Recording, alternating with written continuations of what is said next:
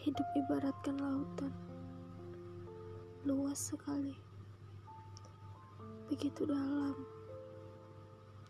Terima kasih sudah memandangku hanya sebatas permukaan.